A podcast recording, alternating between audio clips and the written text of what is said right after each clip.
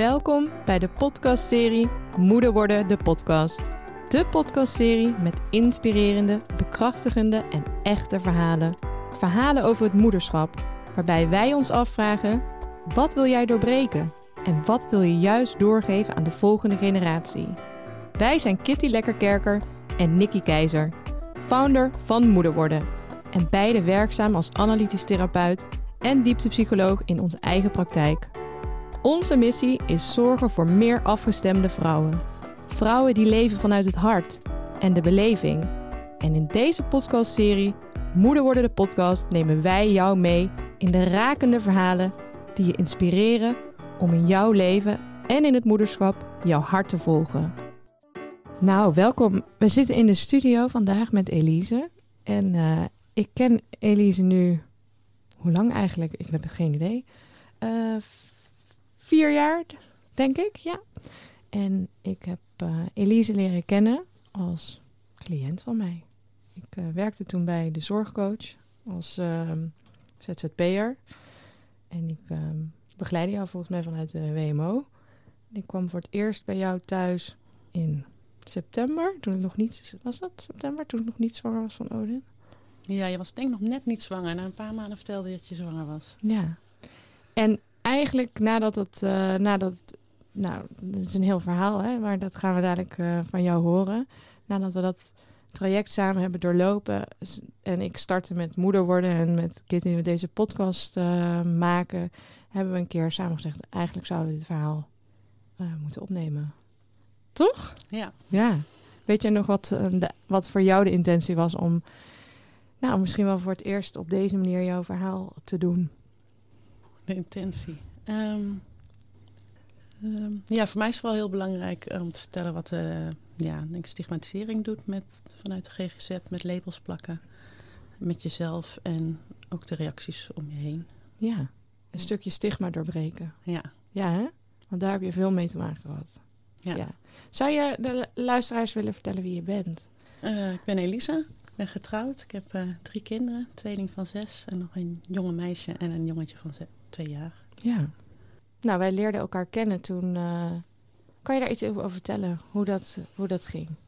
Um, Wat de aanleiding was dat, uh, nou, dat, dat ik jou heb leren kennen als uh, cliënt met een hulpvraag. Ja, nou, dat is dus, ja, dus wat jij zegt, vier jaar gewoon geleden ongeveer. ik had toen net de diagnose autisme gekregen.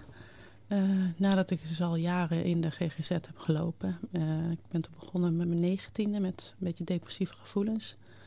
Toen kreeg ik een diagnose. Uh, ja, ja, werd ik depressief. Dus kreeg ik antidepressiva. Toen werd ik wel heel druk. Ik heb een tante. dus toen werd ik manisch depressief. nou ja, vervolgens dat. Maar ja, met medicijnen bleef dat nog.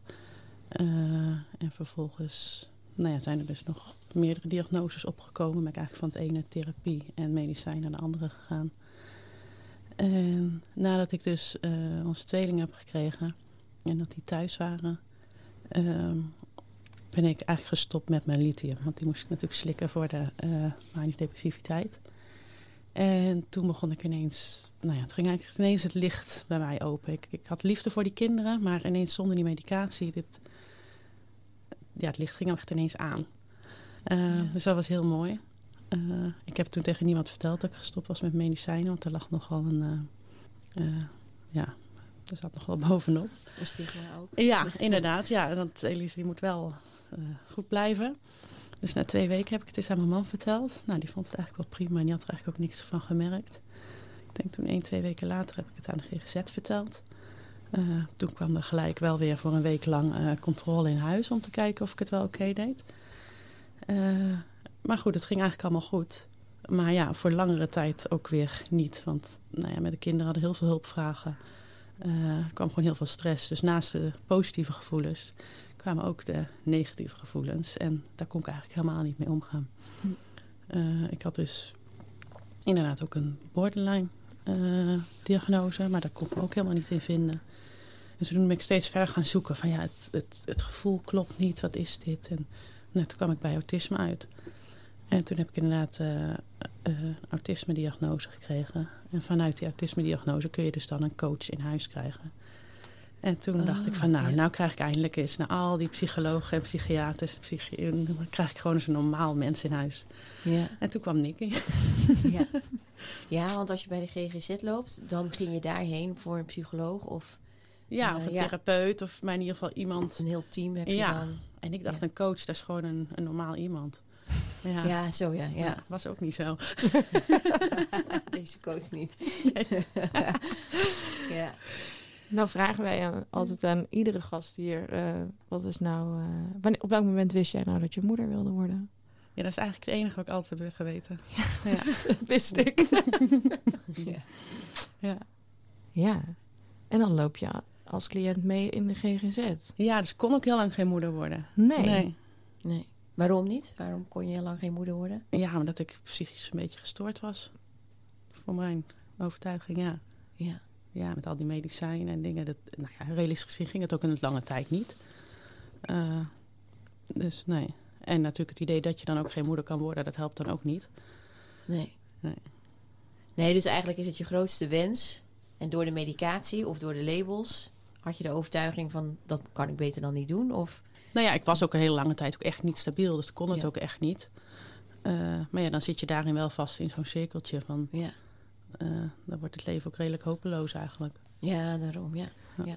Kan je eens vertellen hoe dat er dan uitziet? Hè? Dus die onstabiliteit waar je eh, dan als jonge vrouw in zit. Waardoor je eigenlijk je grootste droom eh, moet parkeren. Of zelfs de angst dat je het op, op moet geven. Ik had geen werk, geen, eh, ik heb wel tijdelijk eh, vaak eh, vrijwilligerswerk gedaan, maar dan nog. Dus dat zijn ook geen hele dagen. Dus ja, het is gewoon thuis inderdaad medicijnen slikken. Ik rookte. Vaak dronk ik ook nog te veel. Dus ook een stuk zelfmedicatie wat erbij kwam kijken, wat ook niet altijd goed ging. Ehm, ja, niks eigenlijk.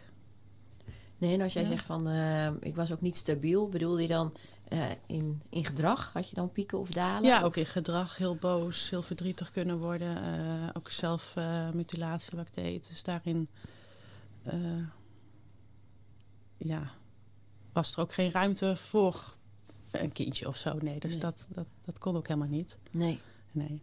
nee.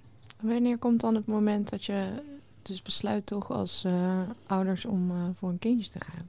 Ja, nou ja, vanuit die eh, borderline-diagnose heb ik dus eh, op een gegeven moment besloten van nou nu eh, moet ik echt iets gaan doen. Dus toen ben ik gaan zoeken en toen vond ik dus de MBT-therapie, is al een driejarige therapie. Dan heb je anderhalf jaar elke dag groepstherapie. En daarna nog anderhalf jaar eh, nabehandeling. Ook wel individuele therapie hoor in die eerste. Maar het is wel echt een heel intensief traject. En daarin ook wel van nou dit, dit wordt hem gewoon. Ja, of niet, maar ja, dit moet het gewoon worden. En daarin, eh, nou, dat ging eigenlijk ook heel goed. Ik heb daar eh, echt ja, wel leren voor mezelf wat meer opkomen, praten. Ik merkte ook dat ik het heel erg leuk vond om met anderen mee te denken en te doen. Eh, dus ja, uiteindelijk begon er wel wat meer ruimte te ontstaan. Van ja, dit gaat eigenlijk goed.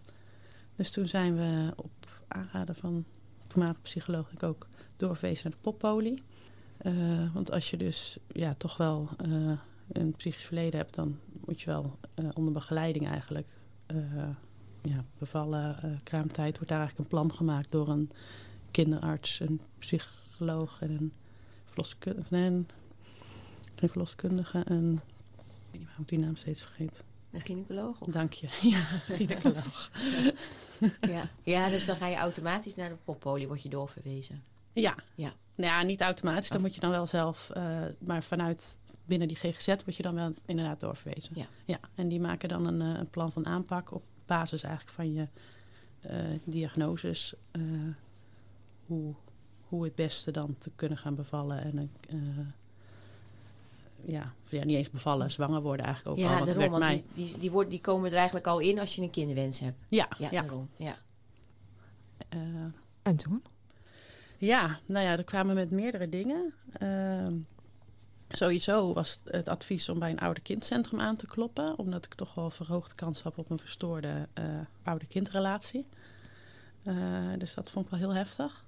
Maar ja, ik wou het heel graag, dus dat ga je doen. Dus dan ben ik eh, dat gaan doen. vervolgens werd ik heel raar aangekeken waarom ik daar was zonder kind of zwanger. En zonder eigenlijk een probleem. Dus dan was het eigenlijk van ja, kom maar terug als je een verstoorde oude-kindrelatie hebt. dus dat voelde extra beschamend eigenlijk. Ja. Ja. dat voelde, ja. En daarnaast eh, toch weer terug aan die lithium. Want dat is dan het beste. eh, ja, heb je minste kans om dus een kraambedpsychose of eh, weer terug te vallen. Toen moest je opnieuw aan de medicatie Ja, ja, die ik eigenlijk absoluut niet wou. Hoe was dat? Omdat, kon je je daarin vinden? Of hoe ging je dat? Hoe kon je dat? Oh, daar ga ik heel makkelijk in mee eigenlijk. Van nou, blijkbaar moet ik dit, dus gaan we daarin. En Ja. bij de psychiater die ik toen nog had, die, de- van, die moest ik er steeds voor over nadenken. En ik had echt zoiets, ja, waar, dit, is, dit is de enige manier. Dus ik, er hoeft niks over na. Dus ik, er was ook bij mij toen nog helemaal geen ruimte om daar zelf over na te denken. Nee. Eh, of ja, dat was. Dus dat duurde mij ook veel te lang eigenlijk voordat ik dat weer voorgeschreven kreeg. Omdat je zo graag... Ja, ik wou zo graag een kind. Ja. ja. En ja, ik had er eigenlijk alles voor over. En nou ja, dit was het plan, dus volgden we dat. Ja. En door die medicatie kon je er ook weer geen borstvoeding geven. Ook iets wat ik echt heel graag wou. Ja. Ehm, Maar dan praat je natuurlijk ook best wel over jaren, denk ik, dat je ook. ehm, omdat je zegt, ja, op een gegeven moment volg je, dat volg je dat ook. Omdat zij geven je eigenlijk al jarenlang, denk ik, daarin advies. Zeg maar, omdat je al best wel eh, een tijdje dan bij de GGZ zit. mhm.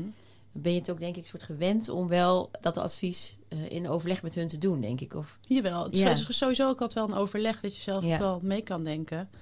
Eh, maar ja, in dit geval ook weer niet. Als je bij zo'n poppolen komt, dan heb je drie artsen in jassen tegenover je. ja, Ja, die vertellen hoe jij veilig een kind Ja. kan krijgen. Want als ik het alleen doe, dan is het blijkbaar niet veilig. daarom, ja. Ehm, ja, dus daarin is er dan voor mij, daarin was voor mij, geen, voor mijn gevoel geen ruimte om. nee. Nee. Nee, nee, nee, want dan zit je eigenlijk. eh, ehm, nee, er is geen ruimte om het ook anders te zien. Want je zit eigenlijk al een soort in een, ja, in een tunnel, bij wijze Ja. van. eh, of, of een pad waar die, die ze gaan bewandelen. Nou ja, dat sowieso. Ja. En ik zat al 15 jaar op dat pad. Ja, Dus wat ja. dat betreft weet je ook niet meer dat er, een, dat er zijwegen zijn. Ja, daarin. daarom, ja. En toen? Ja, toen raakte ik eigenlijk al heel snel zwanger. En dat ging eigenlijk veel sneller dan we verwachten. Het, ging, ja, het was eigenlijk gelijk raak. Dus ik was nog niet eens helemaal klaar met mijn therapie. En toen was ik al zwanger. Dus eh, Hoe was dat? ja, fantastisch. Ja. ja, Ja. ik vond het zo mooi. Ja, Ja, heel spannend en eh, onwerkelijk. Ja, en ik had ook echt wel heel veel zwangerschaps eh, ja, moeheid en doen. En, dus ik vond het wel gelijk al zwaar. Maar ja, zo mooi om gewoon een kindje in je te hebben groeien. ja, En ja, dat ons dat zo gegund was. ja. Ja. ja. En deed dat, wat deed dat met je, eh, met je gevoel? Of eh, had, je, had je toen positievere gevoelens? Oh, Of- zeker. Ja, Ja. ja. super positief. En ook vol ja, zelfvertrouwen van nou, we gaan dit doen. En, nou, en ook vanuit die, die MBT, dus die ik nog volg van nou, het eerste MBT-kindje. Dus van daaruit was het ook... Nou, de therapeut die ik had, die, ja, die was ook gewoon helemaal trots. Ook het idee dat, nou, dat het gewoon zo goed ging dat we nou dit konden gaan doen. Ja, ja. ja, dat is heel mooi. ja. Nou liep die eerste zwangerschap niet, eh, niet goed, hè? Nee. Nee. Nee. Hoe, hoe, hoe ging dat verder? Ehm, nee, omdat ik dus eh, ook eh, in het ziekenhuis moest bevallen, was er vanuit het ziekenhuis, dat hadden ze heel leuk, een, een, hoe noemden ze het nou? Een, een groepje met meerdere vrouwen die dus in het ziekenhuis gingen bevallen, dat je nog wel zoiets had. Toen kwam ik dan steeds op controle. Nou, die eerste twee keer vond ik het echt al eh, super spannend. Eh, nou, de derde keer, bijna 17 weken. Ehm, nou ja, weer een routinecontrole. En, dus, en ik voelde me eigenlijk toen ook eindelijk, was ik niet meer zo moe. En ik voelde me eigenlijk helemaal fijn. En ik dacht, ja, nou, het was de eerste zwangerschapssymptomen zijn over. Ik kan er nou naar eh, het volgende trimester. Eh, maar ja, toen konden ze geen hartje vinden bij de routinecontrole. En eigenlijk zat ik nog gewoon een beetje te lachen. Ik denk, nou ja, dat, dat komt zo wel. Dat, ja, dat is even. Nou ja, toch maar nog naar een andere ruimte. Nou, nog steeds niet. En ja, ineens ja, kwam toch echt het besef. En je zag het eigenlijk ook, want gisteren hadden ze een echo gepakt. En nou ja, met echo zag je eigenlijk al dat het kindje gewoon niet meer leefde. Ja. Ja. ja. Dat is heel intens. Ja, Ja. ja. die zag ik ook echt niet aankomen. Nee, de eerste nee. twaalf weken heb ik nog gedacht van, nou, dat is een mogelijkheid.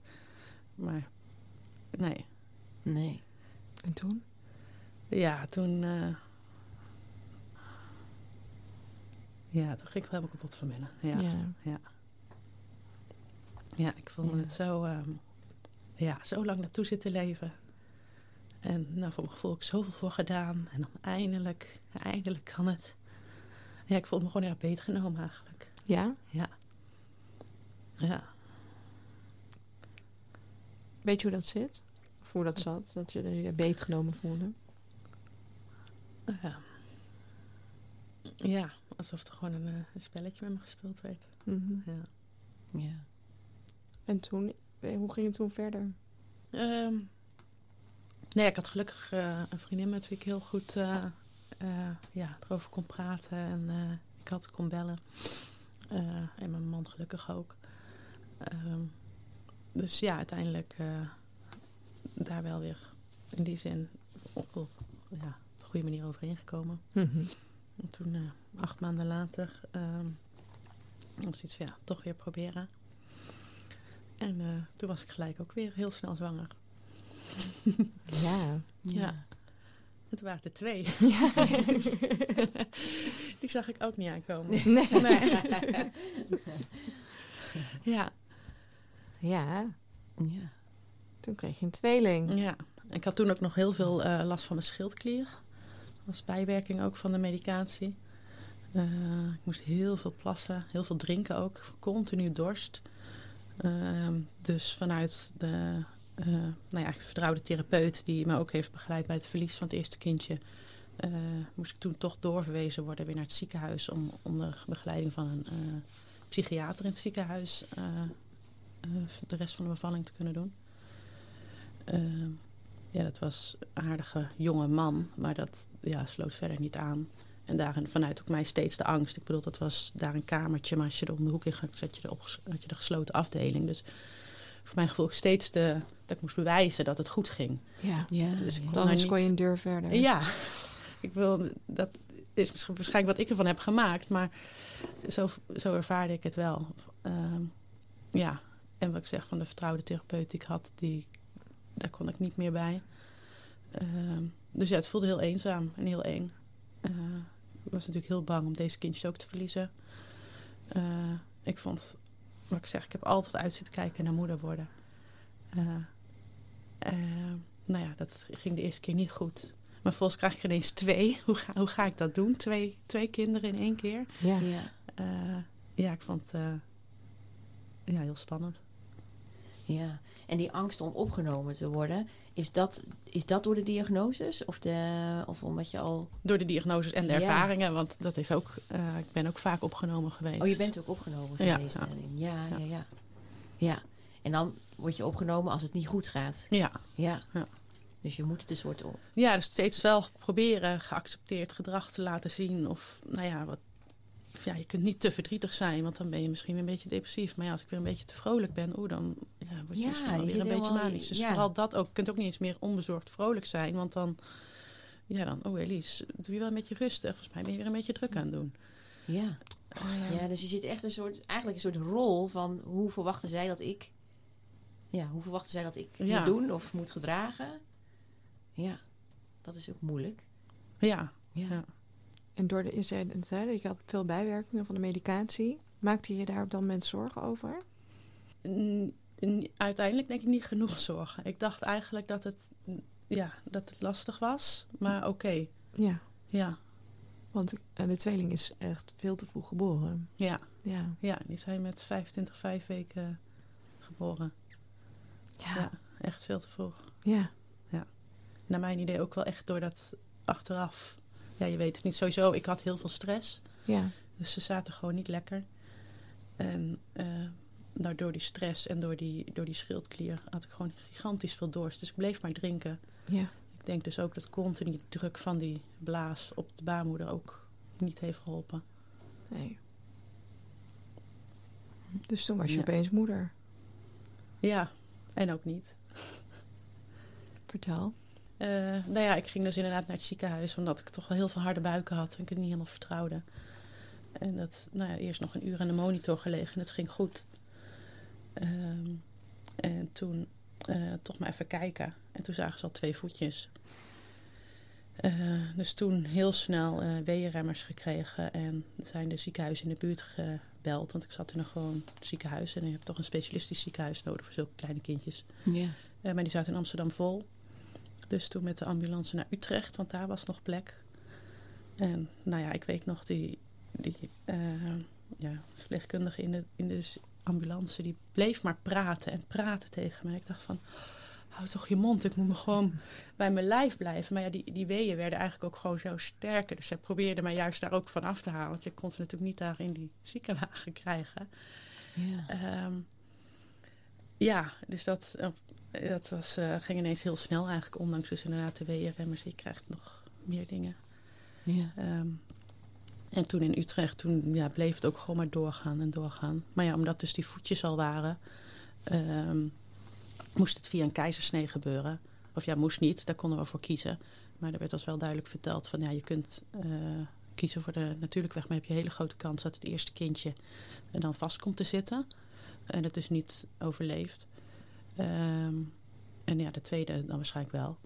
En, maar ja, bij een uh, keizersnede heb je de kans uh, dat ze het sowieso allebei niet overleven. Of ja, je hebt sowieso dus de kans dat ze het allebei niet overleven. Maar dan heb je dus vanuit de keizersnede ook weer minder kans dat een volgende zwangerschap goed gaat. Um, dus ja, vanuit moet je allemaal binnen een paar minuten. Ja, daarom. Vanuit beslissen. ons kregen wij het idee dat die arts meer het idee had van nou, laat maar gewoon natuurlijk komen. Maar ja, dat hadden wij wel allebei zoiets van nou, dat, dat gaan we echt niet doen. En we hoeven nu niet aan een volgende zwangerschap te denken. Laat deze kindjes maar nu Komen, komen. Ja. Dus ja. ja, Ja. toen toch voor een keizersnede gekozen. En Ja. Toen, eh, ja, in de heat of the moment. Ja. Hoe snel dat ook gaat. Ja. ja, En dan krijg je twee hele, hele, hele kleine kindjes. ja. Ze kwamen er wel echt allebei uit met een heel klein huiltje. Dus dat eh, was wel echt prachtig. Dat had ik ook helemaal niet verwacht. Nee. Eh, dus wat dat betreft deden ze het in eerste instantie heel goed voor, ja, voor de leeftijd. Mhm. Ehm, ja, we hebben dus eh, Valerie en Lucas toen gekregen. Eh, Valerie, eh, ja, die was de kleinste van de twee. Ehm, en ja, die heeft het ook wel echt het zwaarst gehad. Ook eh, ja, complicatie die je kan krijgen eigenlijk, die kreeg zij.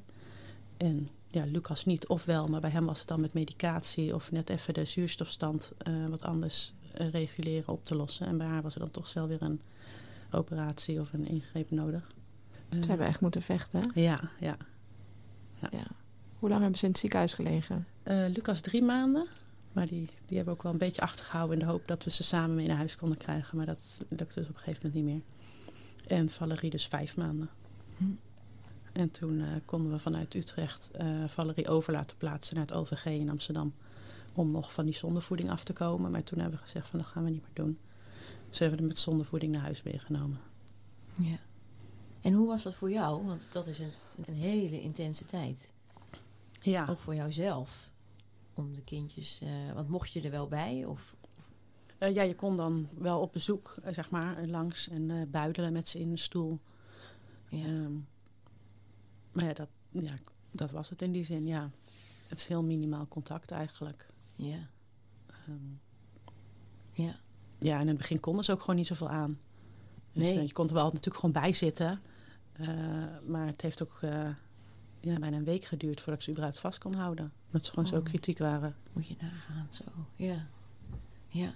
En voor jezelf, want dit is zo'n intense tijd. En ehm, eh, als, je, als je, zeg maar, als je zei van ja, ik ben niet altijd stabiel, hoe, hoe heb je dat ervaren? Want het is nogal wat is zo'n periode. Ja, dat was ook gewoon doorgaan. En Ja, verstand zo, op nul eigenlijk. weer op de overleving. Ja, Ja. ja. Ja. En dan krijg je twee kindjes thuis ja. die heel kwetsbaar zijn.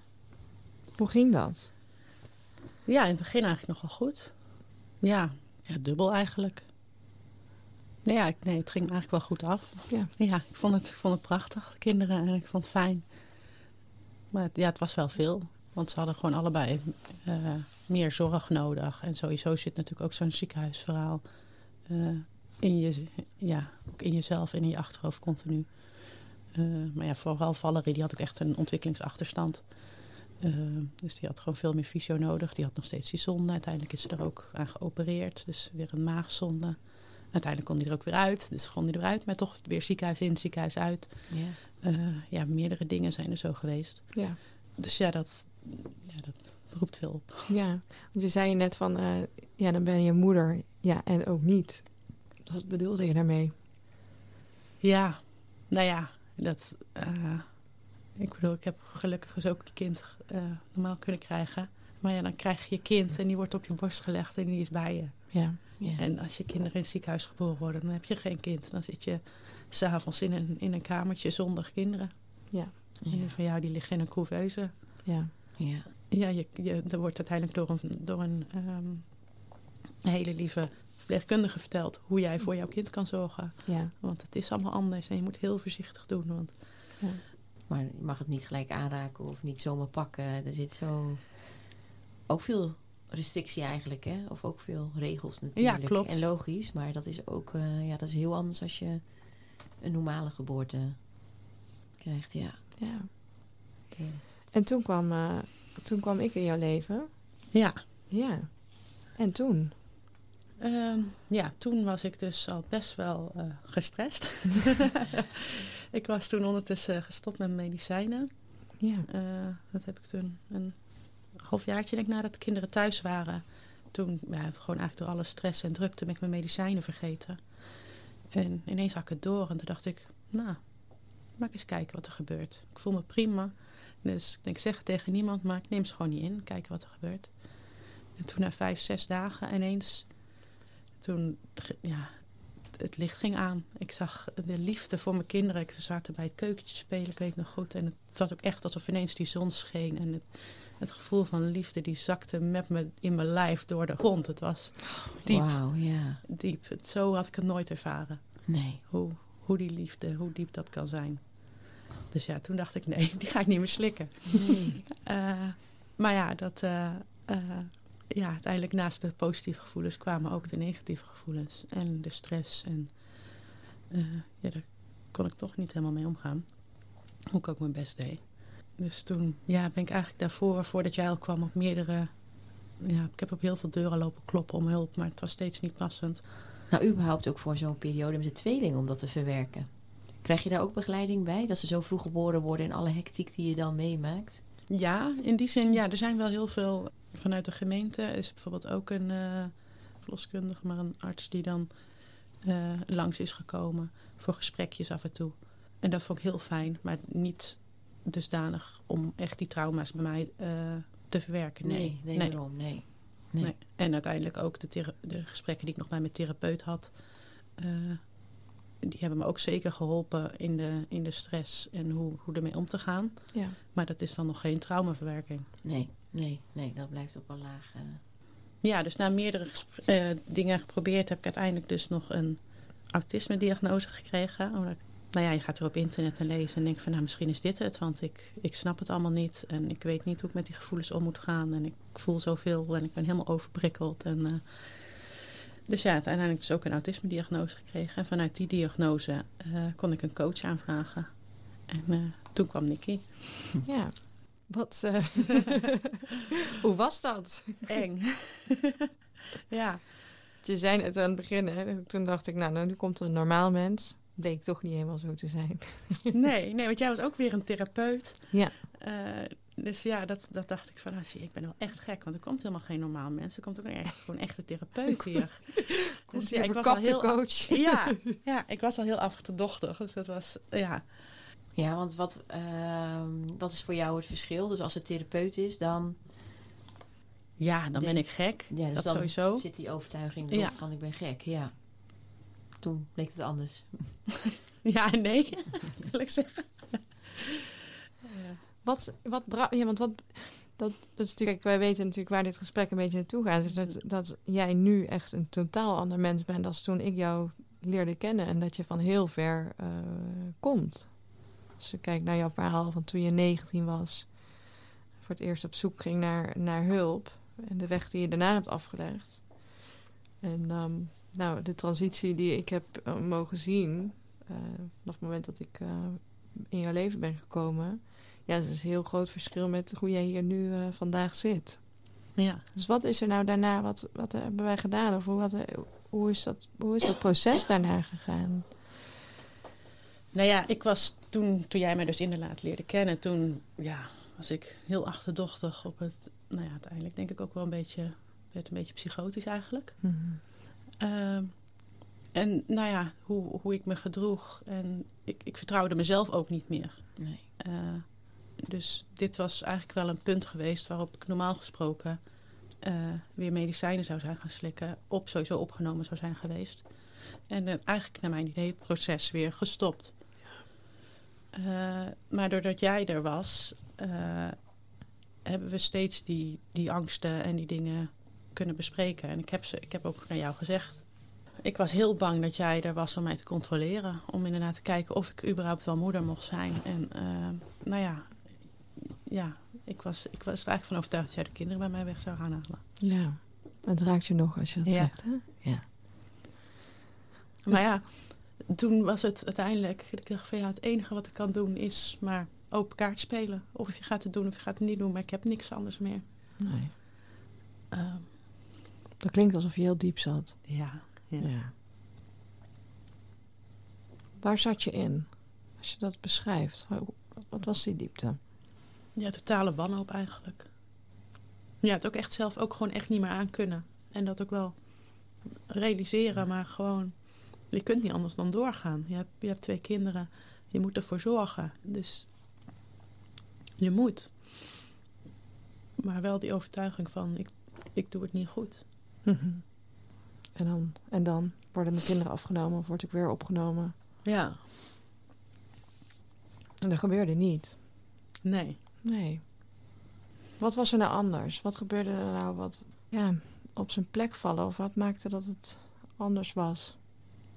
Ik blijf het een hele moeilijke vinden. Ja. Ehm, ik denk sowieso wel, doordat ik mezelf al gewoon wel helemaal overgaf erin aan jou.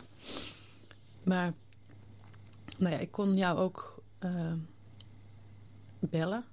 Mhm. Eh, sowieso op gekke tijdstippen heb ik jou ook gebeld. Eh, ik heb daarin al mijn eh, ja, angsten en ja, paranoia uitgesproken. Maar die werden ook gewoon wel serieus genomen. Ik denk dat dat het ook wel was. Dat het niet van de hand werd gedaan door jou. Ehm,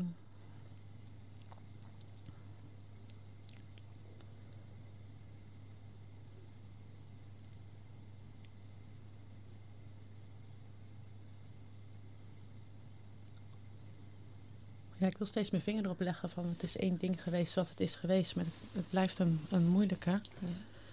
Ehm, maar ik denk wel dat het belangrijkste is dat ik, ehm,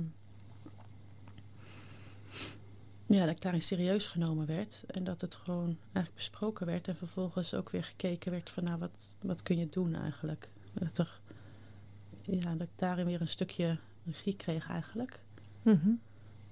Ehm, Ja, en kon je vanaf daar ook, hoefde je minder in die rol van, want je mocht uitspreken wat er eigenlijk allemaal was, zonder veroordeeld te worden?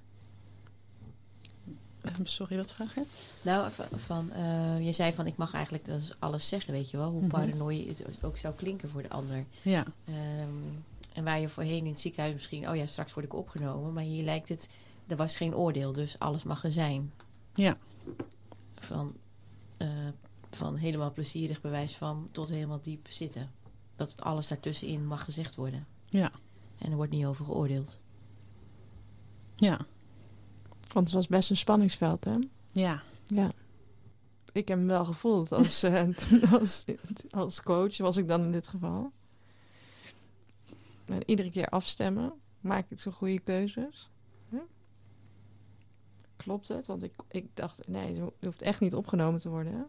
Maar ik voelde wel het spanningsveld. Wat als ik, hier toch, als ik het hier toch aan het verkeerde eind heb? Ja, Dan eh, weet ik niet wat er met mij gaat gebeuren daarna. Ja. Ja. Dus ik voelde wel heel erg het trekken van enerzijds de protocollen. Hè? En anderzijds gewoon mijn, eh, mijn therapeutische kant. Het toestaan van datgene wat op dat moment er is. De gedachten, de gevoelens. En dat helemaal daar helemaal in mogen zakken. Dat spanningsveld was een tijd lang heel eh, sterk voelbaar. Hè? Ja. Ja. Maar ik denk wel dat dat uiteindelijk wel de, voor een, een keerpunt heeft gezorgd. Dat jij eh, door de relatie die wij eh, opbouwden en het vertrouwen wat je daardoor kreeg, en ging voelen dat er geen oordeel zat. Dus dat je niet zo gek was als je eigenlijk eh, jezelf bestempelde of tot die tijd had eh, teruggekregen. Dat ik niet werkte met labels. Ja, dat begreep ik in het begin ook helemaal niet. Nee, nee, nee, want daar zat je eigenlijk helemaal in. Ja. Ja. Nee, ik was al vol aan het vertellen over mijn autisme-diagnose. En ik, ja, nee, ik geloof niet in labels. Oh ja, ja, ja, ja. ja. Diagnose, ik weet niet wat je zei, maar ja. Ja, en dan parkeerde ik dat weer en dacht ik, nee, ik ga gewoon kijken Ja. wat er nu zich aan, wat er nu eh, is. Ja, Ja. ja, en dat je ook voelde dat ik je, dat ik, of nou, en in samenwerking met dat ik je niet liet opnemen. Dus zo Ja. gek was je dus eigenlijk niet. Of in ieder Nee. geval kon je gewoon, je mocht daar gewoon, je mocht gewoon zijn wie je was op dat moment. ja. Nou ja, en door dus wel al die emoties door te maken die ik toen heb doorgemaakt, eh, ja, is het voor mijn gevoel ook echt daarin klaar.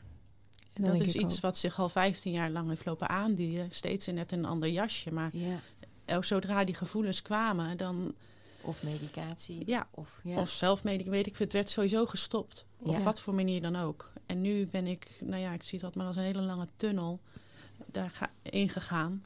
En normaal ging ik steeds maar weer terug. En nu toch maar steeds dieper en dieper tot je helemaal niks meer ziet. Uiteindelijk is aan de andere kant dan wel dat licht. En ja. is het ook klaar. ja. Ja. je hebt het helemaal doorvoeld. Steeds Ja. een stukje meer. Ja, ja. Ja, Wat wel natuurlijk heel donker kan zijn en heel eng als je midden in die tunnel zit. nou in, midden in die tunnel voelt het, ja, Als do- ja, ja, ja. Alsof je doodgaat. Ja. Ja. ja. Ja. Hoe ging het verder? Hoe ging dit verder? Eh, ja, jij ging met zwangerschapsverlof. Ja, klopt ja. Toen heb ik nog even gekeken, een andere coach. Dacht ik, nee, dit eh, hoef ik niet. Ga gewoon eh, zelf kijken. Eh, en het ging eigenlijk goed. Nou ja, tussen mijn man en mij, ik bedoel, er zat heel veel wantrouwen naar jou, maar er zat ook heel veel wantrouwen naar mijn man. Dus daarin hebben wij ook wel weer echt onze weg moeten vinden naar elkaar toe. Ja, ik vind het wel mooi dat je dat benoemt nu. Want dat was ook wel echt een thema. Je was niet alleen wantrouwend naar mij, maar ook naar, naar je partner. Ja, En ehm, het had zomaar kunnen zijn dat ik eh, jou helemaal, dat ik helemaal mee was gegaan in jouw verhaal. ja, Maar ook daar probeerde ik gewoon wel zoveel mogelijk uit te blijven. Om niet een oordeel te vellen over één van jullie beiden. ja. Nee, en dat, ja, dat, ja, dat, is, dat heeft ook echt het verschil gemaakt. Ja, Ja, ik denk als je mij toen 100% had geloofd, dan, ja, dan hadden we er ook niet zo gezeten. Nee, nee, nee, dan was dat echt niet goed gegaan. nee. Maar ja, ik merkte ook al, het ging ook niet om. Het was ook niet alsof je mij geloofde. Het was ook niet alsof je hem geloofde. Dat, was, dat, dat deed er niet toe, Nee, eigenlijk. ja. Het ging niet om de waarheid. Nee. Nee, Nee. en dan gaat het nog steeds niet. Nee. En daarin hebben mijn man en ik ook weer kunnen vinden dat, eh, ja, zijn verhaal in, in dit verhaal is zijn verhaal. En mijn overtuigingen in dit verhaal is van mij. Maar ja, er is geen één overtuiging of geen één waarheid. Er is, ja, dat kan naast elkaar bestaan en het is totaal anders. Ja. Ja. En toen ontdekte jij dat je het gewoon op je eigen benen kon. Ja. Ja, ja. Ja, toen, toen ging het ook gewoon goed. En toen ben ik daarin echt mijn eigen ja, kracht gaan vinden. En ook de verantwoordelijkheid en eh, ja, plezier. ja, En toen? en toen, nou, toen zat het vooral van ja, wat nu? Nu ben ik uit, uit mijn eigen ja, gevangenis voor mijn gevoel. Wat nu? Eh, en ja, toen zag ik eigenlijk alleen nog maar een tafel voor kinderen voor me. Eh, dus ja, toen zijn we toch gaan proberen. En dat eh, was zoals vanouds ook gelijk aan. ja. Toen Ja. werd je zwanger. Ja. Kwam ik toen Ja. al terug? Eh, nee, ik had volgens mij net mijn eerste echo gehad en toen kwam jij terug. Ja. En toen kwamen Ja. we met iets anders in aanraking, toch? Ja. Waarom we ook mede hier eh, zitten. Ja, nou ja, ik, ik was dus helemaal ja, voor mijn gevoel gewoon vrij. En nou ja, ik wil wel met een verleden, maar los daarvan gewoon een gezonde vrouw die eh, Geen medicatie was. meer gebruikt. Geen medicatie, absoluut geen behoefte aan had. Niet meer En- dronk. Nee, helemaal niks. Nee. Nee, dus nou ja, ik ging helemaal vrolijk. En ik dacht wel van ja, ik ben zwanger. Ik heb tot nu toe alle kindjes in het ziekenhuis, dus ik naar het ziekenhuis. En toen de eerste gesprek bij de gynaecoloog werd heel mijn verleden opgenoemd. Wat voor opnames en medicijnen ik had wel niet had geslikt. En nou, ik zat er aan het eind helemaal huilend. En of ik niet weer naar de poppolie moest. Nou, daar heb ik gelijk weer nee tegen kunnen zeggen. Maar ja, dat was heftig. Ja. Ik was voor mijn gevoel geen... Maar ja, je bent nog steeds een psychiatrische patiënt dan. Ja, omdat je net zo mooi zei, ik ben eigenlijk eh, uit die gevangenis, ehm, uit mijn eigen gevangenis eh, gegaan. Weet je, Ja. Want dat zei je even zo te pas, maar ik denk dat is eigenlijk echt een heel groot proces. Hoe je daar los van gekomen bent en hoe je jezelf bevrijd hebt. Ja, na 15 jaar? Nou, Ja, dik Of hoeveel? meer. Ja. Ja. ja, want het klinkt zo van ook die tunnels, maar ik denk dat is echt een zwaar proces om, ehm, ja, om het ook te durven aankijken allemaal van jezelf, hè? Ehm, Ja, dat was heel om dat groot. aan te gaan. Ja, dat is ook. ehm, dat, dat is voor menig mens zo moeilijk. En jij hebt dat wel gedaan. En dan vervolgens ben je uit die gevangenis bevrijd. En, maar eigenlijk zit je er nog in. Ja. in ergens eh, volgens de protocollen, bij wijze van. Ja. En niet om die protocollen af te vallen. Maar het is wel ergens blijf je aan dat stigma kleven. Want men weet niet wat voor innerlijk werk je hebt gedaan op dat moment. Nee. En uiteindelijk maakt er ook, denk ik, zelf ook niet eens toe. Al had ik dat ook niet gedaan. Dan was het nog steeds niet gepast geweest, vind ik. Nee, nee, nee, nee. Nee, vertel eens hoe je daar tegenaan kijkt. Ja. Nou ja, als jij, als jij een, eh, vorig jaar je been hebt gebroken, dan wordt dat volgende maand niet bij een, een, een doktersbezoek of weet ik wat benoemd. Nee. Dat is geweest. En ja, jij bent eh, van de trap afgevallen.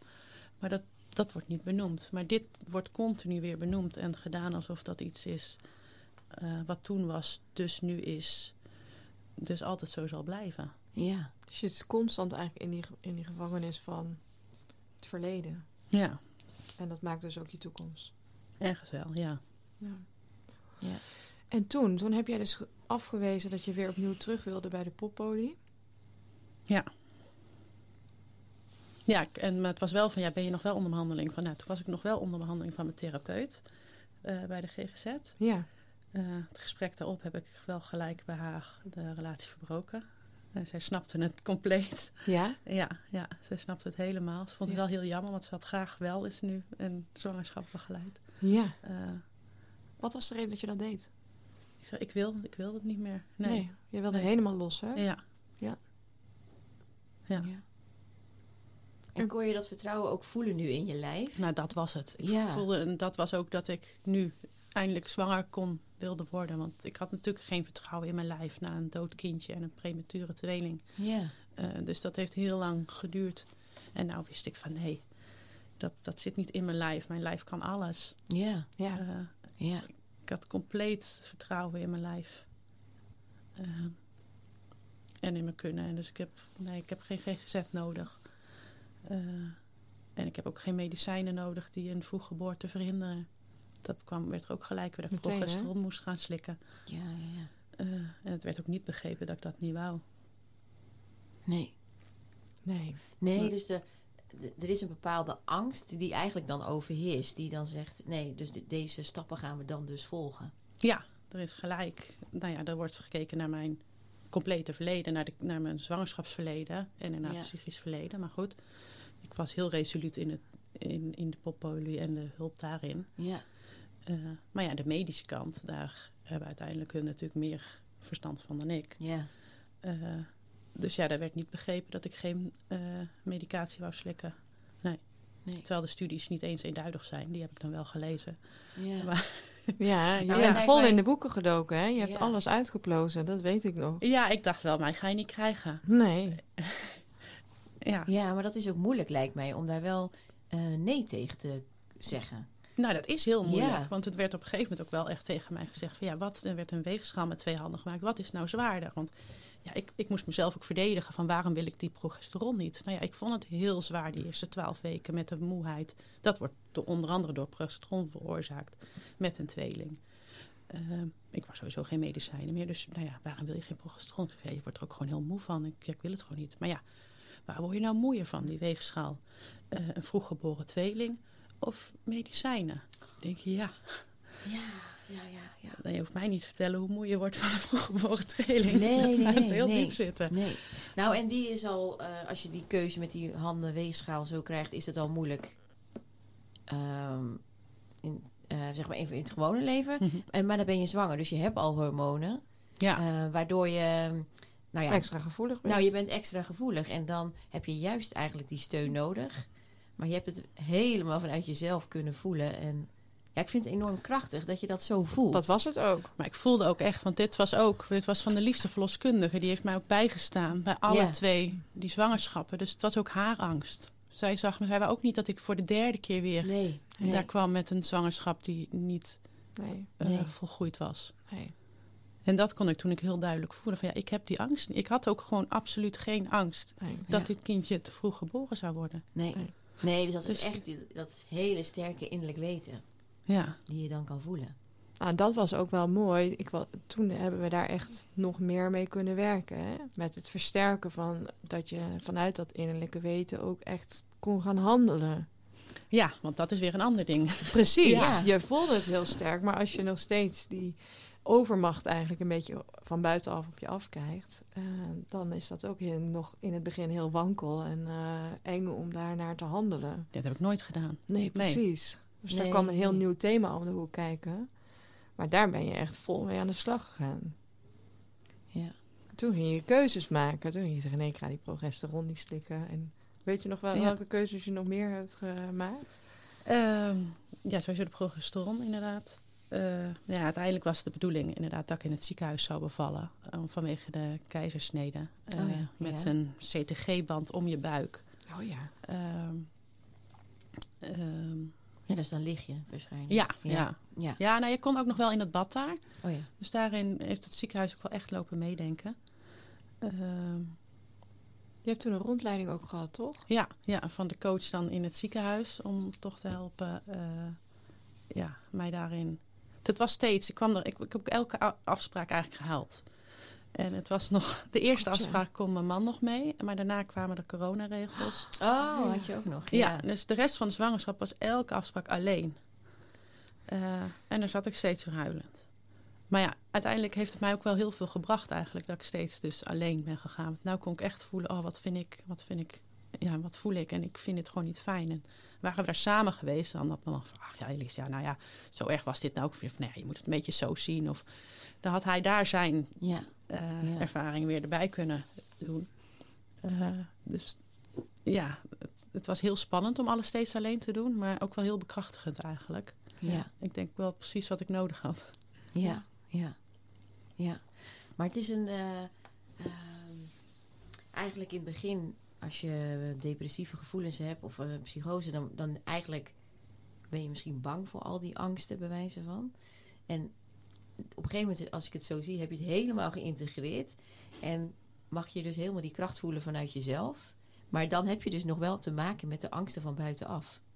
Ja, En ehm, dat, is, nou, dat, lijkt, dat is bijna net zo moeilijk om daar ook nog krachtig in te zijn. Lijkt mij om dan nog steeds te blijven staan vanuit je eigen kracht om het te voelen. Omdat we, ja, in die end leven we niet echt in die maatschappij dat je, ja, je hebt gewoon best wel veel protocollen in Nederland, denk ik. En of ze nou niet om ze, ja, niet of ze goed of slecht zijn, maar dat heb je gewoon wel mee te maken. En we leven best wel van, ja, dan doen we dat gewoon. ja. Heel dan volgen mensen, we ja. dat. Nee, zeker. En het is best moeilijk om anders te zijn. Ja. En om daar ook nog dan voor te gaan staan. Hoe lief de ander dus ook is. En met je meedenkt. Dat, eh, ja, hoe, hoe voelde dat? Dat je dan zo... Ja, hoe het je dan, uitgedaagd werd. nou ja, hoe stem je dan op jezelf af? Eh. Blijf je dan voelen van... Oké, dit voelt niet goed. Of dit... Wat voel ik? Wat doe ik? Wat wil ik? Ja, steeds, steeds weer kijken inderdaad. En daarin ook. Want, eh, nou ja, wat ik zeg, van elke afspraak moest ik weer huilen. Dus zijn Nicky en ik ook wel steeds gegaan van ja, waarom, wat, wat was er nu? En er werden Ja. ook wel dingen aangeraakt. En dat is het, eh, ja, die, die hele verloskundige afdeling daar. Er zaten ook heel veel nare herinneringen voor mij. Ja. Eh, dus die zijn we ook steeds weer, eh, ja, Traumaverwerking gedaan Ja. daarop, hè? Ja. Ja, en er kwamen er dus ook weer herinneringen van de, van de ziekenhuisperiode van de tweeling. Ehm, ja, dus zo hebben we wel heel veel dingen dan weer aangepakt. En dan merkte ik toch nog steeds van ja, ik loop die gang hierin en ik vind het nog steeds niet fijn. Ondanks de traumaverwerking. Ja, ik denk nog van ja. steeds in het ziekenhuis. Ja, Ja. dus het is... Ja, En- dat ziekenhuis was zo gekoppeld voor jou aan al die eh, gevoelens. Of aan die periodes ook. Nou ja en nee, eigenlijk. En daar kwam ik dus steeds achter van Ja. ja, het, het ziekenhuis is gekoppeld aan nare herinneringen. Maar nee, dat maakt niet dat ik me daarom niet fijn voel. Ik, want dat was het steeds van ergens wou ik gewoon niet in het ziekenhuis bevallen. Ja. Jouw Ik wou- oorinstinct wilde gewoon. Ik wilde gewoon thuis in bad. Dat heb ik altijd al gewild. Ja. Ja. Maar ja, dat kon niet. ja. Eh, dus ik ben ook verloskundige gaan bellen. Eh, maar ja, dat was, ja, je kunt hier on- onder behandeling als de gynaecoloog het, eh, het oké daarvoor geeft. Maar met 37 weken word je weer overgedragen aan het ziekenhuis. Ehm, ja. ehm, ja, En toen, je kwam op een gegeven moment op het punt dat je echt voelde van ik wil, ja, we kunnen nog heel veel verwerkingen op het ziekenhuis doen, maar ik wil gewoon thuis bevallen in bad. ja. ja, want het ziekenhuis heeft ook in alles meegedacht. Ook inderdaad een bad in het ziekenhuis. Met meerdere rondleidingen gegeven. Ehm, maar ja, ik, ik, ik, ik kan daar niet ontspannen. Nee. Nee. En hoe keken ze daar tegenaan dat je dan thuis wilde bevallen? Hoe keek het ziekenhuis daar tegenaan? Nou ja, in eerste instantie dat was gewoon niet mogelijk. Ik Nee. bedoel, je kunt ook niet zomaar in je eentje thuis gaan bevallen. En ik had geen verloskundige die me over wou nemen. Dus ehm, ja, dat was ook niet echt bespreekbaar. Dus in die zin was steeds tot dan toe het gesprek met het ziekenhuis. Hoe kunnen we het hier oké Ja. maken? Ja, dat zo. was het enige gesprek eigenlijk mogelijk. Ja. Ja. En nou ja, ik had ook zoiets van, ja, die band, dat, daar gaat er zo'n alarm af. Dat, dat wil ik ook echt niet. Want ik heb de ehm, hypnobirthing eh, bij Carlijn gevolgd. Ja. En die liet toen ook een heel mooi filmpje zien van inderdaad een, eh, een zwangerschap eh, of een bevalling in het ziekenhuis. En dan ging inderdaad het, eh, alarm van, het, van die CTG af. En het is precies hetzelfde alarm als wat, wat die couveuses afgaven. Dus daar kreeg ik wel gelijk inderdaad echt zo'n paniekaanval van. En daarnaast ook een wetenschap van ja, er zit straks inderdaad zo'n band om mijn buik. Die gaat dingen meten en dat metertje zit vast niet goed. Maar ja, er gaat een alarm af en mensen moeten wel handelen op een alarm. Ja. Eh, ja. dus ja, dan als, het, maar, en dus als ze niet weten dat het metertje niet goed zit, dan wordt er gehandeld op een alarm wat helemaal niks te zeggen heeft. ja. Nee. Dat was met die kinderen ook. Dan ging er een alarm af. Ja, dan moest er iets gedaan worden. ging een alarm af. Oh, we kijken en dan gaat het toch goed. Maar ja, als een kindje in je buik zit, dan kun je niet kijken. Nee. Nee. nee. Ehm, Toen heb je besloten volgens mij om eh, op zoek te gaan naar een eh, verloskundige, toch? ja, Die jou wilde overnemen. ja. Toen kwam ik dus bij Vive Vroedvrouwen. Ja. Eh, ja, en toen... ehm, Vive is een caseload verloskundige hier in Amsterdam. Ja, Die, ja. ehm, die, die staan daar wel voor open. Dus eh, ik Nou zei ja. het, volgens mij hebben we het toen daarover gehad. En jij hebt eerst een andere benaderd. Ja. Ja, die wilde niet. Nee, dat was de gewone verloskundige Ja. bij mij in het, eh, in het dorp. Ja, Eh, en inderdaad bij Vive. ehm, ja, eh, was van, nou ja, er werd geen beloftes gedaan, maar we kunnen gaan kijken. En Ja. Dat was al... eh, Dat was al een opening. ja. Ja. precies. En toen? Ja. Nou, toen ben ik bij Claudia inderdaad op, eh, op bezoek eigenlijk geweest bij haar huis. eh, samen met Jeffrey. En we hebben daar gewoon een uur gewoon gepraat. En dat, ja, dat voelde zo fijn. Om gewoon als mens daarin ook gewoon gezien te worden. Ja, ja, ja. Ja, ja, zonder je dossier. zonder mijn dossier, ja. Ja. ja. Die had ik wel weer mee. Oh, Maar ze moest wel weer lachen, want het, de, de, het popverhaal... dat zegt ze, ach ja, nou, dat is precies als alle anderen die ze kent. Dus dat is ook... Er zit ook geen persoonlijk tintje in. Ehm, nee, dat zijn bij wijze van medische termen. Ja, en eigenlijk elke, elke patiënt met die en die diagnose krijgt die en die Ja. dat advies. Dus er, ja, er zit. eh, Geen kleur. nee, Nee. nee.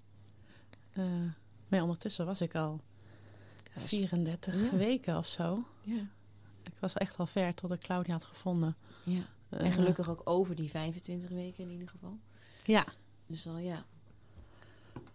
En toen, heb, toen ben je overgestapt, hè? Ja.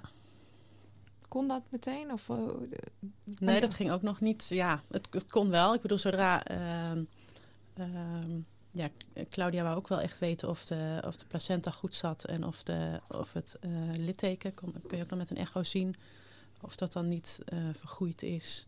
Dat daar geen extra eh, indicaties voor zijn. Mhm. Het litteken van de keizersnede. Ja, Ja. ja. Ja? Eh, en ook voor de goede orde nog een gesprek met de gynaecoloog.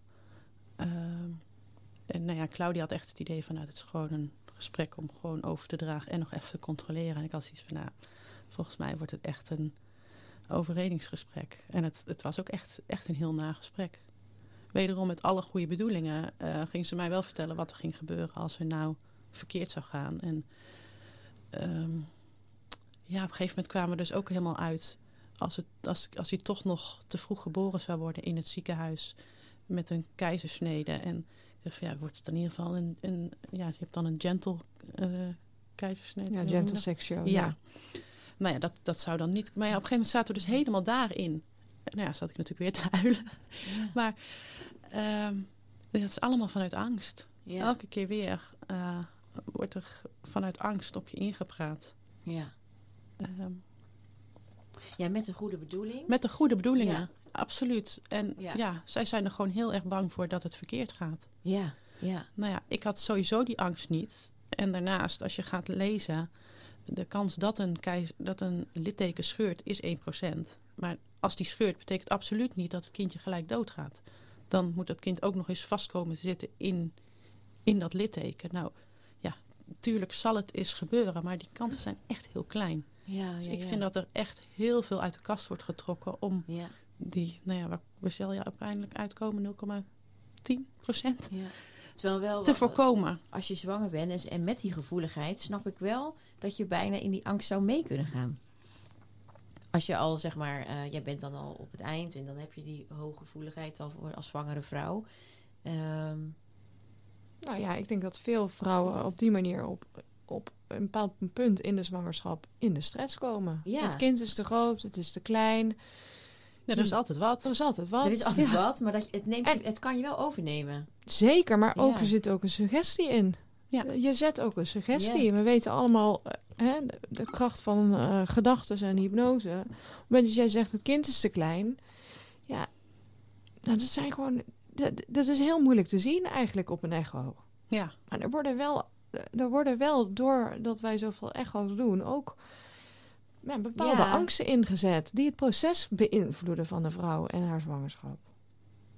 Ja, zeker. ja, ja. ja. Ik denk Ja. zelf ook dat er veel te veel gemeten wordt. En veel te veel verteld, inderdaad. Nou, want je, het gaat wel in je hoofd zitten, zeg Ja. maar. Zoals nu, misschien wist je die angsten bewijs van of die, eh, wat er allemaal kan gebeuren, zou je niet weten. Maar als je het allemaal wel te horen gaat, eh, krijgt, het gaat wel in je hoofd zitten. En nu ben jij gelukkig, je gaat lezen. Dus dan kun je misschien nog weer de... Maar dan nog gaat het in je Ja, hoofd zitten. Ik bedoel, is het- ook bij mij is het in mijn hoofd gaan zitten. Ja. En ik, bij mijn 20 weken echo was er ook wat mis. Ehm, dus toen moest ik ook weer naar het VU toe om dat extra te laten controleren. Je hebt dan als babytje altijd een beetje vocht. En dat was dan 1, 2 millimeter te veel. Nou heb je kans op een waterhoofd. Er werd al gezegd dat kans is klein. Maar toch, Maar er is een kans. er is een kans. Dus nou, elk mens gaat natuurlijk weer eh, lopen googelen wat waterhoofd. Ja. Ehm, ja, het is heel. Ik heb mezelf er wel echt heel echt van weerhouden om Ja. daarin mee te gaan. Ik zei van nee, maar ik stond er stevig al van tevoren in en ik wist van er gaat niks mis. Dus zodra ik even in die, in die angst kwam, van nee, er- dat is niet wat hier aan de hand is. En dan ben ik gewoon eigenlijk liefde naar dat kopje gaan sturen.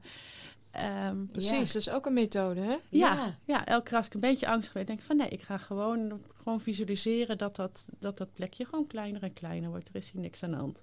ja. Ehm, Maar, Maar- je zegt ook, ik sta er stevig in. En dan denk ik, wauw, je staat er echt stevig in. En, eh, en een paar jaar daarvoor zou je in het protocol meegegaan. Ja, jij zegt het Oh, alsof zeker, het bijna van... Kitty zit hier met haar oren. Ja, nou ja, je zegt het alsof het heel normaal is. Maar ik denk, daar sta je er echt stevig in. Dat je, dat niet, eh, dat je je niet laat overnemen daardoor. ja. Van buitenaf. Vind ik, Ja. ik vind dat knap. ik denk ook wel echt, dat was ook wel echt kindje ook weer wat ik in me had. ja. Daarin die kracht van hem. Dat zie ik ook veel ook wel allemaal, veel allemaal Ja. samen. Ja. Ja, de energie sluit daarbij op aan, Ja, bij wijze maar- van. Ja, Maar die intuïtie, die was zo sterk. Hè? Dat oer, eh, ja, Ja. oervrouwelijke in jou. Nou ja, Ja. dat, vind ik, dat wil ik nog even benadrukken. Want ik zelf hou daar heel erg van. Als, een, als je daar zo naar kan leven. Maar dat is het, ja. En hoe jammer het eigenlijk is Nou dat ja. dat niet altijd gezien wordt. Dus dat Ja. je daarvan weggehouden wordt. Terwijl juist daar zit het goud. En we verliezen dat ook gaandeweg, denk ik, in ons leven. Hoe ouder we worden. eh, en nou ja, de een is daar sterker in dan de ander. Maar je wordt, ja, in de waan van de dag staan we best wel ver van de intuïtie misschien. Ja, is- Eh, Tenminste, zo'n Nee, beetje zeker. over het algemeen. Ja. En dan als zwangere vrouw zit je zo dicht eigenlijk bij hè, je oerintuïtie. Eigenlijk kun je daar veel meer mee werken. Ja. En dat is heel jammer dat dat niet gedaan wordt. Die kracht van het vrouwelijke. Want eh, dat gesprek, dat was dus een... eh, dat was even confronterend. In het ziekenhuis. ja, nee, zeker. Ja. Hoe gingen jullie daar weg? Eh, nou, blij, blij. Ik ging uiteindelijk heel blij weg. Ja. Nou ja, ik was, ik, ik was er echt van slag van. We konden gelukkig zijn we daarna even gaan praten. Maar ik was wel echt zo blij dat ik met Claudia kon. ja. Ja. Ik was Ja, toen ook dat was de 38 conclusie. weken zwanger. Ja. Ik had ook toen, de week ervoor, heb ik ook even een feestje gegeven met 37 weken. Van een volgroeid kindje. Deze hoeft dus niet in het ziekenhuis te bevallen. Ja. Ja. En nou ja, dat gesprek was met 38 weken. Ik zat er gewoon acht, 38. Ja. Ja, dat was gewoon magisch. Ja. En dan nog zit ik daar weer te janken met een, met een gesprek over, over, over keizersnedes en weet ik wat. Ik denk, Ja. ja. ja, Hou op. Dus nee, ik was blij dat ik het zo kon afsluiten. Ja. En toen ging je vol vertrouwen eh, die laatste weken in. Met Ja. Claudia in je rug. Ja, Ja. ja. Hoe ging dat? Die laatste... Eh, ja. Ja. druk. Mijn broer die was, eh, ik denk een 38,5 was die. Die woont in Spanje. En die had zoiets van, nou die baby die komt ongeveer zo en zo. En haar zusje die was ook zwanger. Eh, maar die was, was het eerste kindje. Dus ze hadden het helemaal uitgerekend. Eerst naar Nederland, dan wordt daar een kindje geboren. En dan naar Engeland, dan wordt daar een kindje geboren. Maar ja, dus mijn broer, maar ik had zoiets van, ja, dat kindje wordt nog helemaal niet geboren. Jij kan hier een week blijven, maar dit, deze die wordt gewoon 40 weken. Ik, eh, ik wou er ook geen afscheid van. Ik vond het van, ja, het werd steeds zwaarder en zwaarder. Hittegolf naar hittegolf. was hetzelfde jaar als van jou en Noah volgens mij. Oh nee, Nee, een jaar nee, later. Ik had geen corona, nee. Nee. Maar, eh, ja. ja, ik vond het zo prachtig zwanger zijn. Dat is Ja. wat ik altijd had gewild eigenlijk, ja. En, Toen werd je haalde je 40 weken? nee, nee, dat niet. 39,2 is dit uiteindelijk geworden. En eh, toen dus met 39,1 eh, had ik nog een eh, controle bij Claudia. Dat ging ook... wij stonden bij haar en zij zat bij mij. Oh, Dus dat was uiteindelijk al besloten van... nou, wij komen wel weer terug naar huis. Want daar is parkeren in ieder geval gratis.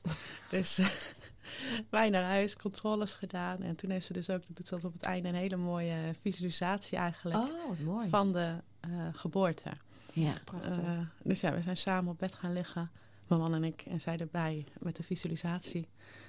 En ja, het was heel mooi. En eh, nou, het, het ging ook gewoon van, nou, een beetje zo en zo. En ik weet niet precies wat ze allemaal vertelden. Maar om Eh, de, even voor de luisteraar, om de geboorte te visualiseren. Ja. Hoe het gaat of hoe, Ja, hoe het zou kunnen gaan. Ja, mooi. en eh, uiteindelijk ook dus echt contact maken met Ja. het kindje. En van, nou, wat, wat wil ik nou eigenlijk vertellen? Wat wil hij nou eigenlijk vertellen? En ja, toen merkte ik dus ook, toen kwam het bij mij zo naar bij boven van... Ja, dat hij ergens aan het wachten is op mij. Totdat ik oké ben om hem los te laten. Eh, en ik, ik merkte ook van, ja, ik ga jou niet daarin... Het is voor mij, ik, ik wil dit gevoel eigenlijk altijd vasthouden. Ja. Dus je hoeft niet te wachten tot ik daar klaar voor ben, want dat, dat gaat niet goed. Dus, als jij wil komen, dat was, zo- ja, dat voelde ik gewoon heel erg dat ik het hem eigenlijk moest vertellen. Van als jij wil komen, kom maar. Want eh, Ja. mama is er nooit echt klaar voor, maar mama is er wel klaar voor. Ja. Dus het is goed. Eh, en toen s'avonds, uh, toen ging ik naar de wc, heb ik het nog een keertje herhaald. Ik voel die buik. Ik zei, nou schat, het is oké. Ik bedoel, ik vind, het gewoon, ik vind het gewoon te fijn zo. Maar als je wil komen, kun je komen. En toen brak mijn water. Ja. Eh, ja. Dus, eh ja. Eerst eh, Claudia bellen. Ja, het kan snel gaan, het kan niet snel gaan, je weet het niet. Nee, nee, nee. ik zag nog helemaal zo, ook vanuit de hypnobirthing, gewoon een heel mooi rustig proces voor me. Dus mijn man en ik zaten nog te bakkeleien met dat zwembad, want ik wou hem eigenlijk boven in de slaapkamer, hij beneden. En ik had zoiets van, nou, als het echt begint, zetten we hem wel op, want ik kon er geen keuze maken. Dus mijn moeder bellen, nou, mijn moeder en ik kletsen ook wat af, dus waren we ook weer een uur verder. En ondertussen was er echt zo'n mooie zomerstorm losgebarsten. Dus ben ik nog even buiten in die regen gaan staan. Oh, van, nou, oh ja, zo heerlijk. Ja, ja, heerlijk. Nou, Helemaal oer. helemaal oor. Ik ga douchen, nou, mijn bed in. En ik denk vijf minuten later, toen was het ineens, nou, Storm. kapot. Ja. ja zomerstorm. Ja. Ja. het was echt die storm. Dat was helemaal geen rustig weetje waar het mee begon. Eh, dus eh, toen eh, snel mijn man van... dat heeft ook even geduurd voordat het volgens mij in de gaten had dat ik was boven. Maar ja, hij is toch beneden dat bad in elkaar gaan zetten. Ik zat boven en nou, ik heb drie gewone weeën gehad. Met een paar, ja, tien minuten tussen. En toen was het gewoon eigenlijk een weeënstorm. Ja. Eh, Claudia aan de telefoon. Ondertussen mijn dochter, die, eh, die heeft alles in de gaten. Die eh, was ook wakker geworden. Dus die zat bij me. Ik zat eigenlijk op de rand van mijn bed. Mijn hoofd zo hangend erop op mijn knieën. En zij zat op het bed een beetje over mijn hoofd te strelen. Ondertussen Claudia gebeld. Maar ja, die woonde drie kwartier op afstand. Dus ik was ondertussen ook een beetje bang van... nou, straks mis ik het nog. En zo voelde het ook wel van... nou, die gaat er zo, zo uitkomen. Ehm, nou ja, gelukkig eh, toch niet. Eh, ze kwam toen binnen. En nou, toen dus mijn man die was redelijk klaar met het bad beneden. Dus beneden naar het bad. En door dat hele gedoe is er even gestopt. Eh, maar ja, uiteindelijk is die eh, weer een uur later ge- geboren. Ja. In Ja. bad beneden dus. In mijn bad beneden. Ja. Ja. Ja, Ja. En je dochter er ook bij? allebei de kinderen Ja. erbij. Ja. Oh, kijk dan. ja. Fantastisch, hè? Ja.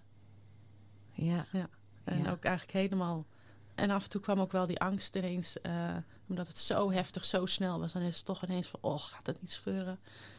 Eh, Oh, ja. kreeg ik toch ineens toch zo die angst. En nou, nee, dat hoeft niet. En van, nou, kijk eens hoe ver je bent. Dus ik heb ook eigenlijk alle controles zelf gedaan, bij mezelf gevoeld. Eh, ja, verder geen enkele interventie of hulp. Alleen gewoon liefdevolle aanwezigheid eigenlijk van iedereen gehad. Ja. Ja, Wauw. heel mooi. Ja. Echt fantastisch. En hoe voelde dat toen je, toen je hem dan zo op je borst nam? Oh, ongelooflijk. Hij was zo groot. Zo groot. Ja, Ja.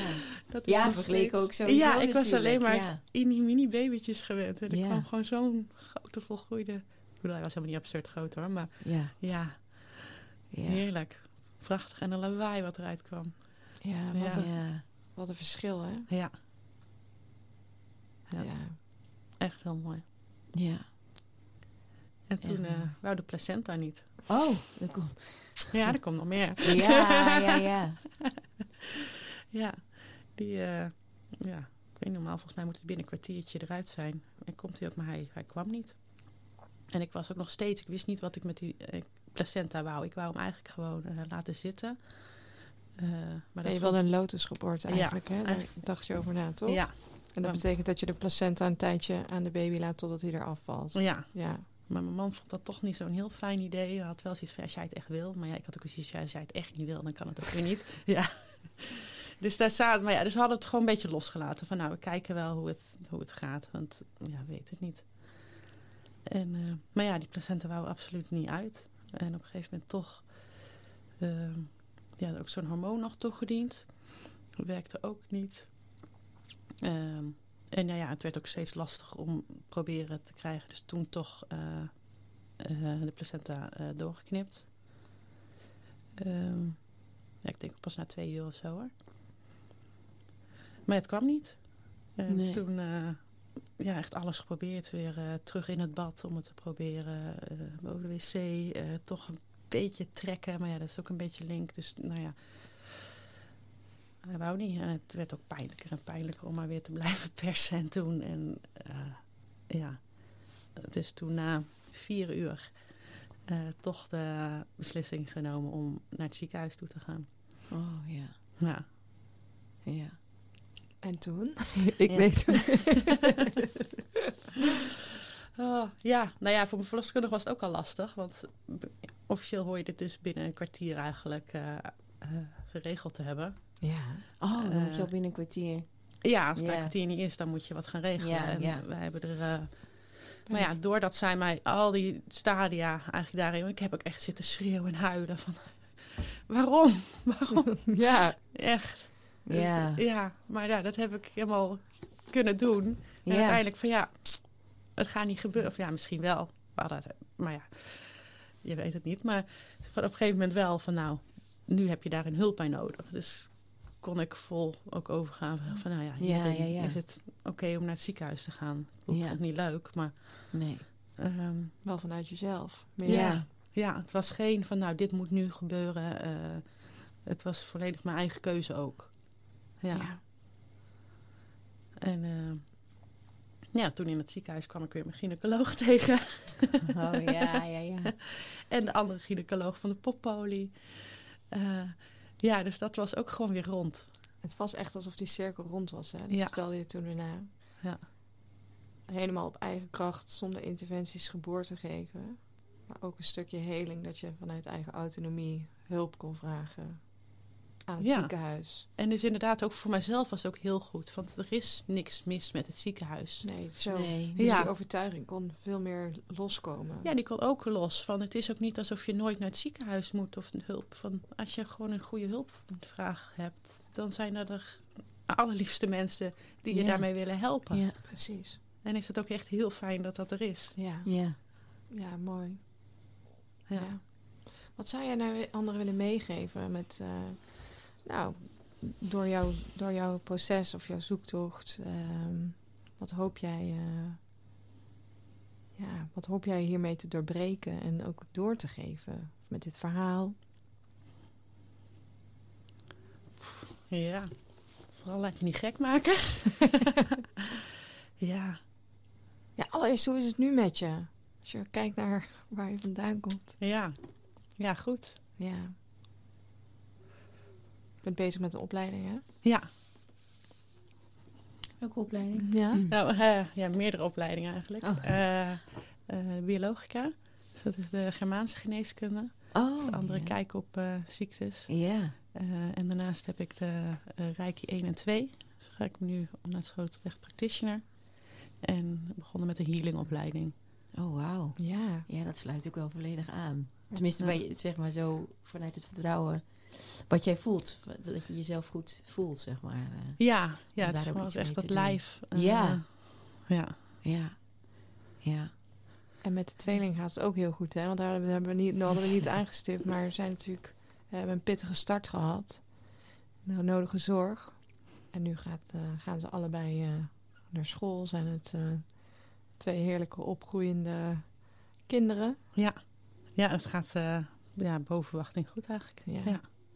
Ongelooflijk. Ja. Ja. Met een hele afgestemde moeder. Ja. ook niet altijd hoor. Nee, nee, maar, nou, nee. nee, maar dat je het wel kan voelen. Of dat je goed naar jezelf afstemt en luistert. Ja. Ja. Ja. Ja, laat je niet gek maken, zei je al, hè? Zijn er nog meer dingen die jij... Ja, die, die je hoopt dat mensen hier uithalen? Nee, dat je vooral echt zelf een keuze kan maken. Ja. Dat is het. Dat sommige dingen worden voortgedaan als van ja, zo hoort het. Of zo, dit, dit gebeurt er. Of ja, dat je dat eigenlijk allemaal los mag laten. En vooral mag bedenken van wat wil ik. ja. En niet omdat iets hoort of omdat iets protocol is. En als jij graag in het ziekenhuis wil bevallen, als jij je daar fijn bij voelt, is dat helemaal prima. Maar als het niet prima is voor jou, laat dat alsjeblieft ook een keuze zijn. Ja. Ja. Ja. En hoe mooi is het dat jij hier vandaag dit verhaal eh, deelt als ik eh, kijk naar hoe ik jou eh, leerde kennen. Ja. Ja, Ja. Ja. Wat zat je daar in- toen nog in de weg? dat zat me toen niet in de weg. Maar ten opzichte van het delen van... eh, nou, wa- ja. Ja, nu... Het was een hele overwinning voor je geweest om eh, zo vrij ehm, jezelf uit te spreken en dit verhaal te delen. Dat vind ik, gewoon- ik vind dat gewoon heel mooi om te zien. Hè? Ja. Ja. Zijn er nog dingen die jij... eh, Nou, ik, ik vind het gewoon een heel mooi voorbeeld om eh, ook, het, ook de kracht van het innerlijk werk. Omdat jij een paar keer zegt, ja, ik, op een gegeven moment is er toch de overtuiging, ik ben gek.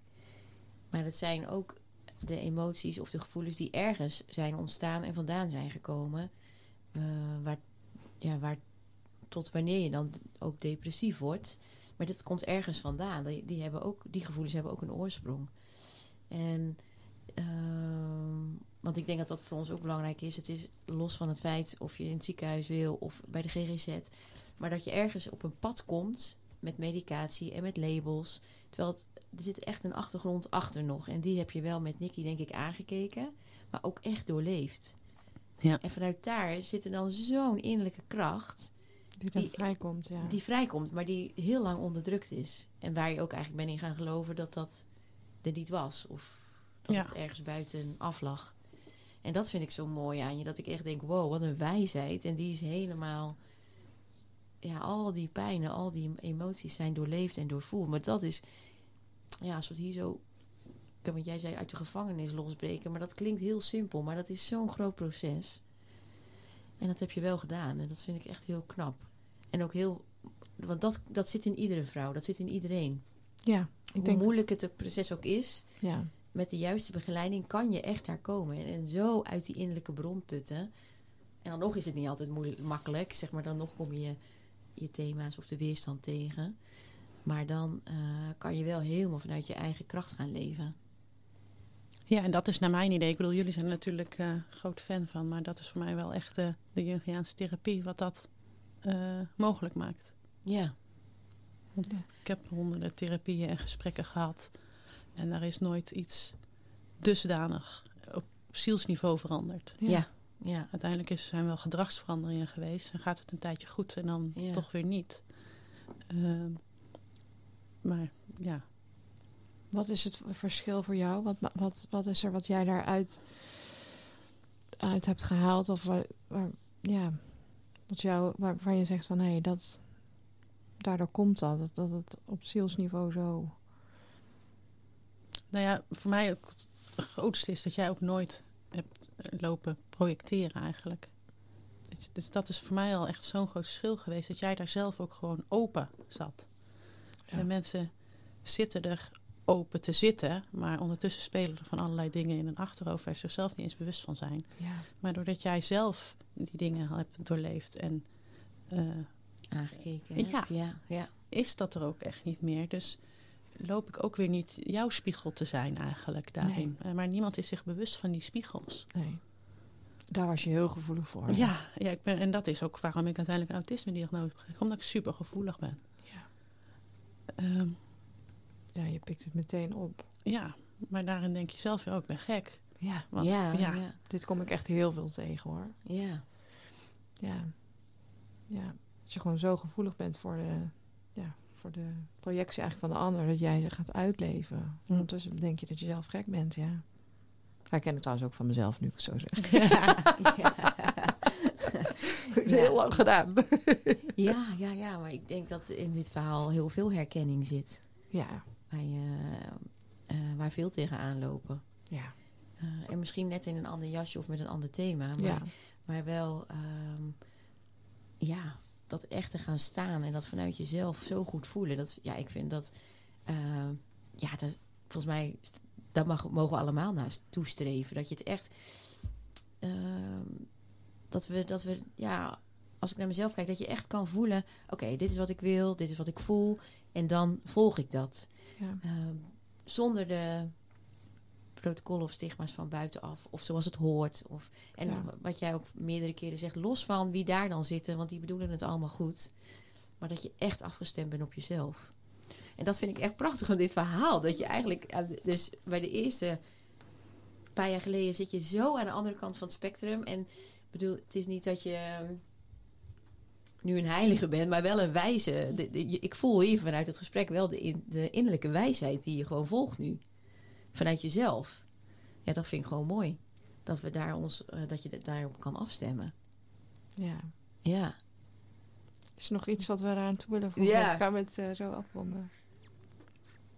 Heb je nog iets wat je zegt van hé, hey, dat. eh, Nee, volgens mij eh, is het wel gezegd. Ja? Ja, ik ben je gewoon heel dankbaar. Ik jou ook, dat weet je. ja, heeft mij net zoveel gebracht als dat jouw, uh, misschien dat kan ik niet zeggen of net zoveel is, maar het heeft mij wel ook heel veel gebracht. Ja, dankjewel dat je er eh, vandaag bent. Dat je er überhaupt bent. Ja. ja, ja. Dankjewel voor het luisteren. En eh, tot de volgende. Tot de volgende.